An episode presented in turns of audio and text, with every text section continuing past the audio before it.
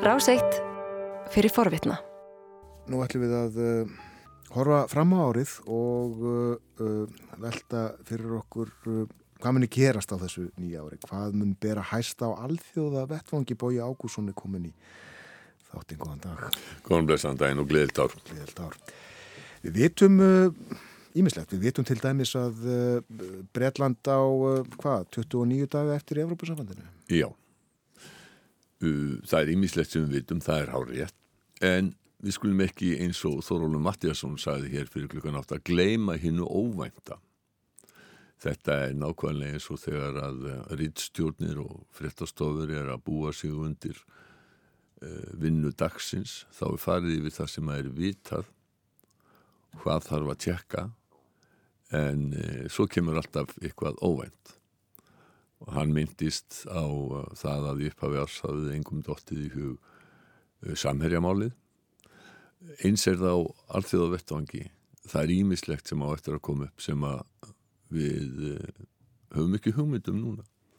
Þannig eru nú frettir einu sinni mm -hmm. og við skulum ekki gleyma því heldur að frettir eru það þegar að hlutirnir ganga ekki sinn vanagang þegar að eitthvað óvænt gerist. Ef fréttir eru út af fyrir sig líka hlutir sem við vitum fyrirfram. Mm. og við vitum að bandaríkjaman munu kjósa fórseta í november það gera þeir fjórða hvert ár. Mm -hmm. og það eru fjögur ár síðan að eh, flestum að óverum að eh, Donald Trump var kjörinn fórseti og hann verður væntanlega áfram fórsetaframbjóðandi í republikana Eh, þó að eh, hann hafi verið kærðu til ennbættismissis þá eru litlar sem engar líkur á því að öldungadeild bandaríkja þing sem að virkar eins og domstól í þessu máli hans eh, sakvellan og dæmi frá ennbætti eh, og raunar er óvist hvena það mál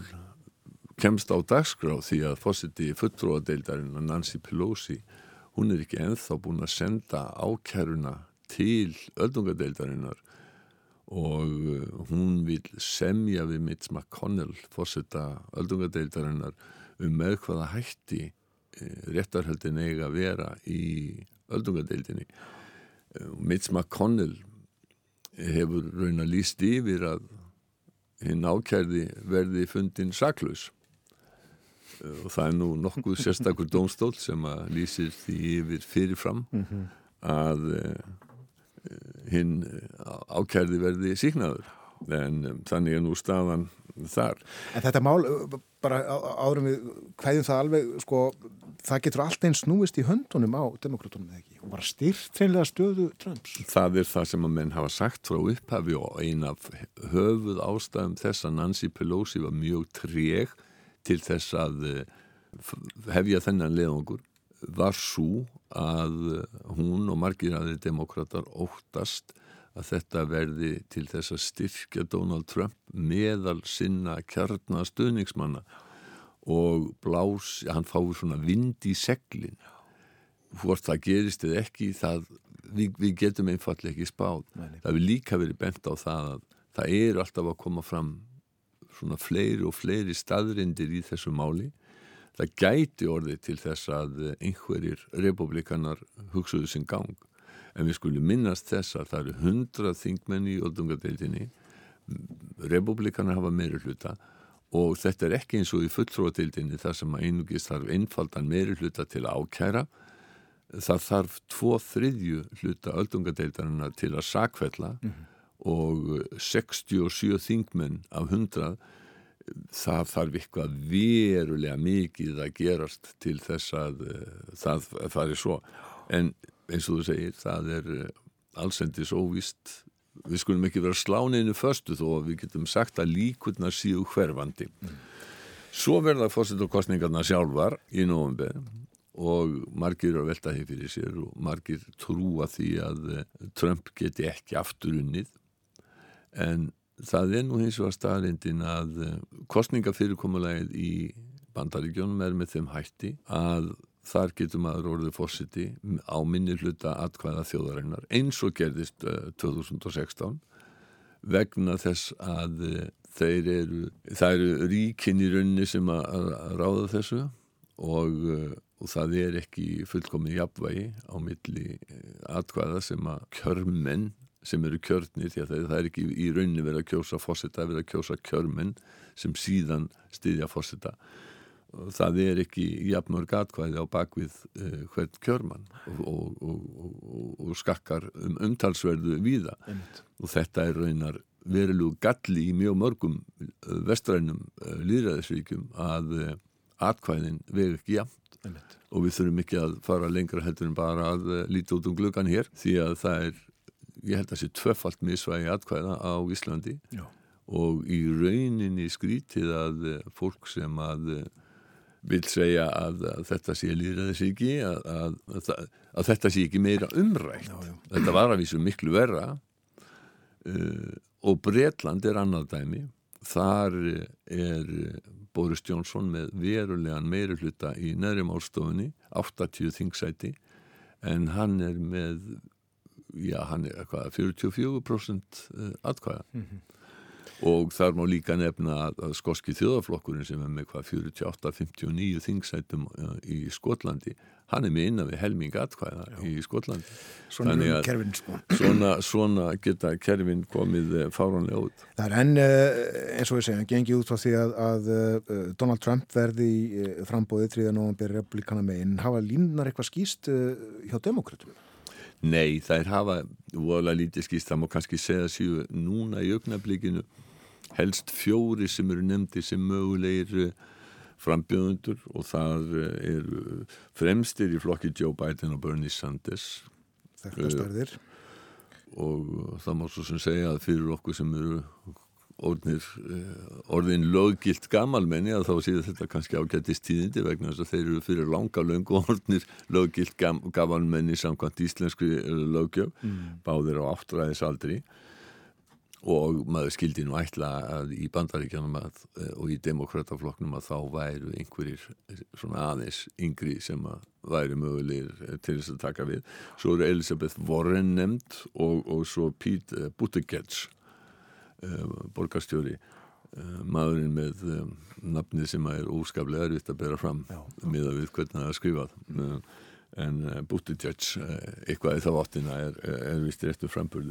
Nú það er sagt sko að Elisabeth Warren og Bernie Sanders og kannski og vinstri sinnuð um, til að geta hafa til alls meiri hluta um, Joe Biden er með svona, það er í misfarangur uh, í, hjá honum sem hann er að burðast með og, og, og sko er sagt sko að, að, að Pete Buttigieg sé of ungur. Það er, svo er alls ekkit útilokað að Hillary Clinton helli sér aftur í slægin og auðvitað eru fleiri e, frambjóðundu nefndi sem eru mögulegir e, í flokknum. En þetta verður mikið í fréttunum núna þegar að forkostningar og prófkjör í bandaríkjónum fara að hefjast e, þá verður þetta mjög mikið í fréttunum þetta skýrist talsvert á, á, á næstu vikum og mánuðum Já.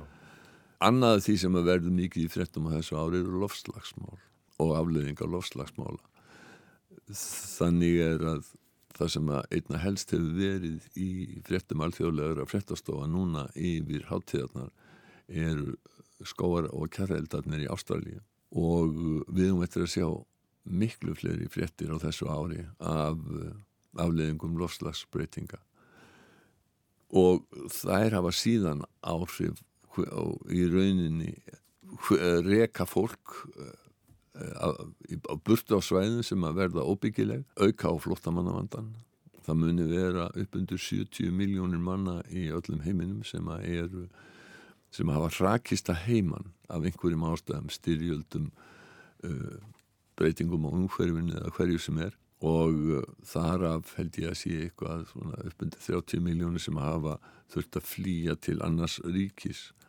Þetta er vandi sem á eftir að vesna og það er mikið þeim þjóðum sem að taka við flótamönnum hvað sem þau gera það það er nú fæst sem að gera það uh, með mikillig gleði því að uh, þetta skapar ímis vandamál heima fyrir. Það, það er þrýstingur á samfélagi sem tekur uh, við, við þessu fólki.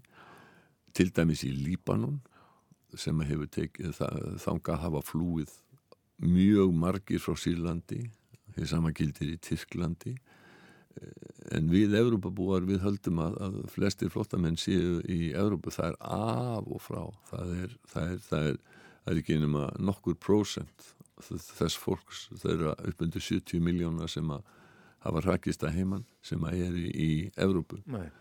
í gæra þá var umræða á, á rás 1 sem að professor Ólafur Harðarsson vinnum við kallar rásins hugsandi manns það sem að Guðmundur Haldánsson professor, hann benti á það að vestrænri, eða vestur Evrópuríki, þau eru að glýma við það vandamál að aldurspíramítin hefur snúist á kvolf. Það er engin skortur og fólki á mínum aldri, eh, gamlu fólki, eða síðmiðaldra, eins og við skilgjörnum okkur stundum, eh, og, og, og þeim sem eru komin á eftirlaun þeim fjölgar, það er þessi gríðarlega stó, stóra kynslu sem að, sem að fættist eftir setni hinsturjöldina en það er æg færri sem að eru á þeim aldri að, að það fólk uh, sé í vinnu. Og það er skortur á vinnuafli mjög víða í Evrópu og skortur á, á fólki. Og hefur augljósa ætti náttúrulega að vera að segja það er til það eru miljónum manna sem vilja flytja hengar akkur er leifum við mikið að flytja hengar mm -hmm. Íslendingar hafa ráðið fram úr sínu uh, vandamáli með uh, skort á vinnuafli með því að flytja uh, já, fló, mest fólk frá Pólandi og akkur ég ætti ekki að gera þetta annar staðar en þá er náttúrulega augljóst að fólk sem kemur frá öðrum menningarheimum og við skulum bara horfast í augu við það fólk sem er ekki eins á litin og þorri í búa í vestur-Európu, þar að segja ekki hvítir, annarar trúar. Það er bara lang flestir í, meðal almenns í vestur-Európu sem að í, í besta falli eru tortrygnir á og, og mjög margir sem eru mjög andvíur og það hefum við síðan endur speklast í pólitíkinni. Jável í Grannlandinu Danmörku þar sem að sósjaldemokrata jafnaðamenn hafa tekið upp stefnu danska þjóðarflokksins sem er mjög andvígur því að fólk flytist til, eh, til Danmörkur. Mm -hmm. Þannig að þetta hefur haft gríðarlega áhrif á stjórnmál í Evrópu.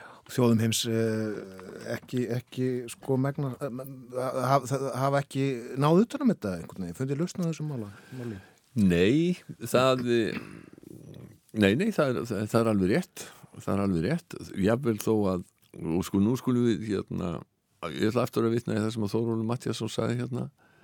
Heimurinn hefur sjálfsagt aldrei verið ríkari heldur en hann er akkurat núna og uh, það er uh, samt sem áður þá erum við, við erum alltaf í einhverjum öðrum samanbörð, við á Íslandi til dæmis sem erum eitt af ríkustu löndum heimsins uh, þegar fólk er að bera sér sama með einhverja aðra, þá er það að bera sér sama við sína nágrana sína ættingja og sitt nánasta umhverfi. Fyrir mér væri miklu skynsamlega að bera sér sama allan heiminn og þá sjáum við að við erum meðal ríkastu, við erum ríkasta 10% við erum forreitinda fólki við erum svo heppin að fæðast á tímum það sem hefur verið eh, efnahagslegur uppgangur. Fátakt hefur mingað gríðarlega. 100 miljóna manna sem að voru í örbyrð fyrir 20-25 árum eh, eru það ekki lengur þetta og þar eh, skiptir náttúrulega gríðalegu máli hversu margir kynverjar hafa miklu betra núna heldur en þeir hafða og svo skulum við líka vera ánæg með það að hafa verið fætt á þessum tímum, ekki fyrir 100 árum eða 200 árum. Þetta er allt annað samfélag og örugar og betra. En við erum Íslendingar ættum að hugsa um það hérna við þessi áramóta að, að vera heppin að vera fætt á þessum stað á þessum tíma. Og meta það Við förum vitt og breytti yfir uh, bóið í þessu rappi okkar uh, og uh, tölum almennt og, og stórt en þrengjum okkur aðeins niður. Við erum að fara svona yfir það sem við vitum að minni gerast á árinu 2020 og við hér í hljóðstofu 5 sem hér sitjum núna við ætlum að horfa svolítið á sjónvarpið í sumar. Það fer fram fótbóltamót. Já, það fer fram fótbóltamót. Það er, um, það er um, Evrópikeppni í knæsmitum, Karla. Og ólíkt því sem áður hefur verið maður sem að mér minnir að keppna hefur mest við í tveimur löndum að þá uh, stendur til að keppa á, í alltaf tólf löndum í sumar, að tólf borgum uh, vitt og breytt um heiminn um vestur-Európu og akkur skildi það vera? Jó, menn segja að það eru 60 ár síðan að keppnin byrja og það verður að leggja áherslu á það að við, þetta sé keppni allra, þannig að hún er að vera sem víðast. Sannleikurinn er kannski sá að þjóðir og borgir eru ekki sérstaklega viljugar lengur til þess að taka að sér íþróttamót af þessari stærn eins og olimpíuleikana og heimsmeistara keppnina í Gnaspitnu uh, og Evrópikeppnina. Þetta þetta meiri áttamál? Þetta er meiri áttamál og þetta uh, heimsmeistara keppnin kostiði til dæmis Brasílium en uh, 2014 gríðarlega upphæðir. Sömulegis og rússa 2018 og ekki verður kostnæðurinn minni í Katar þar sem að keppnin verður næst af einhverjum, já það er kannski ekki óskiljanlegar ástæður en það, það er bara einfallega, það voru búið fyrir á fólk. Mm -hmm. uh, auðvitað á ekki að vera að halda heimsmeistarkefni í Katar. Þetta er, þetta, þetta, þetta er svo gerðsamlega út í hött. Uh, en það er nú annar mál. En sem sagt þjóðir eru orðnað daldi tregar á að uh, halda svona stórmóta sem betur fyrir að þá virðist nú enþá vera eftirspurn eftir því að halda olimpíuleikana og olimpíuleikanir verða einmitt í sumar, sumar olimpíuleikanir verða í Japan. Og það er stærsta íþróttamót heimsins og það er sífælt að fjölga íþróttagreinum sem að eru það sem að keftir í á olimpíuleikunum alls konar skritni hluti sem að við þérna stund, í skrifna íþrótti sem við stundum ekki á Íslandi en, en við munum að öruglega sitja límd við sjónvarpið í sumar. Eða að ljúka þessu spjallu okkar í dag bói á uh, áfengisneslu Við skulum gera það. Það er uh, nefnilega sá það í um, Economist Espresso að uh, áfengisnesla á Vesturlöndum fer minkandi og ungt fólk byrja setna að drekka vín. Þetta er partur af því held ég bara einfallega að fólk gerir sér grein fyrir því hversu hættulegt áfengi er. Það er langhættulegasti langhættulegasta fíknefnið uh, dreifurlesta og það gerist það í algengara segir í þessari grein í Economist að uh, fólk velja að kaupa sér uh, bjór og, og, og, og vín sem er ekki með vínanda í. Já. eða skerftum vínanda. Þetta eh, fannst Economist uh, svo, svo merkilegt að þeir vekja aðtekli á þessu um, um, um þessi áramót. Ég ætlaði aðeins að minnast á líka björn uh, vandræðin sem að við kannski heiminu stendur frammi fyrir í miðaustulöndum þar hafa verið mikil mótmæli og verða sennilega meiri mótmæli. Það er akkurat núna í augnablíkinu mikil spennamilli Írans og bandaríkjana vegna mótmæla í Bagdad sem að bandaríkin og, og í rauninni árásar á bandaríska sendiráðið í Bagdad og bandaríkja stjórn segir að Írans stjórn standi að baki. Þetta gæti orðið mikil og hættulegur átakapunktur. Það er síðan sko á, á síðast ári og skvitið að tala um 2019 í fyrra en þá var mikið um mótmæli víðast hvar í eh, meðustulundum og þau gætu breyðist út og orðið hættulegri á, á þessu ári til dæmis eh, mótmælinn í Líbanon. Og það má ekki gleyma því að það var skiptið með stjórn í Súdan eftir mótmæli. Þar gæti svoðuð upp úr þó að e, það hafi gengið fríðsamlega og sé svona vonar nisti eins og þegar arabíska voru var þá var túnis og vona nisti þannig að það er ímislegt sem að geti gest í miðaustunundum sem að er um, verður efalítið eh, umfjöldunar efni okkar uh, síðar á þessu ári. Á því eldfinna svæði. Kæra þakki fyrir í dag Bói Ákusson Takk sem liðis Þú varst að hlusta á hlaðvarpsþátt frá Rás 1 Ef þið langar til að heyra meira farðu þá á rúf.is skástrygg hlaðvarp eða spilaran á rúf.is skástrygg útvarp. Rás 1 fyrir forvitna.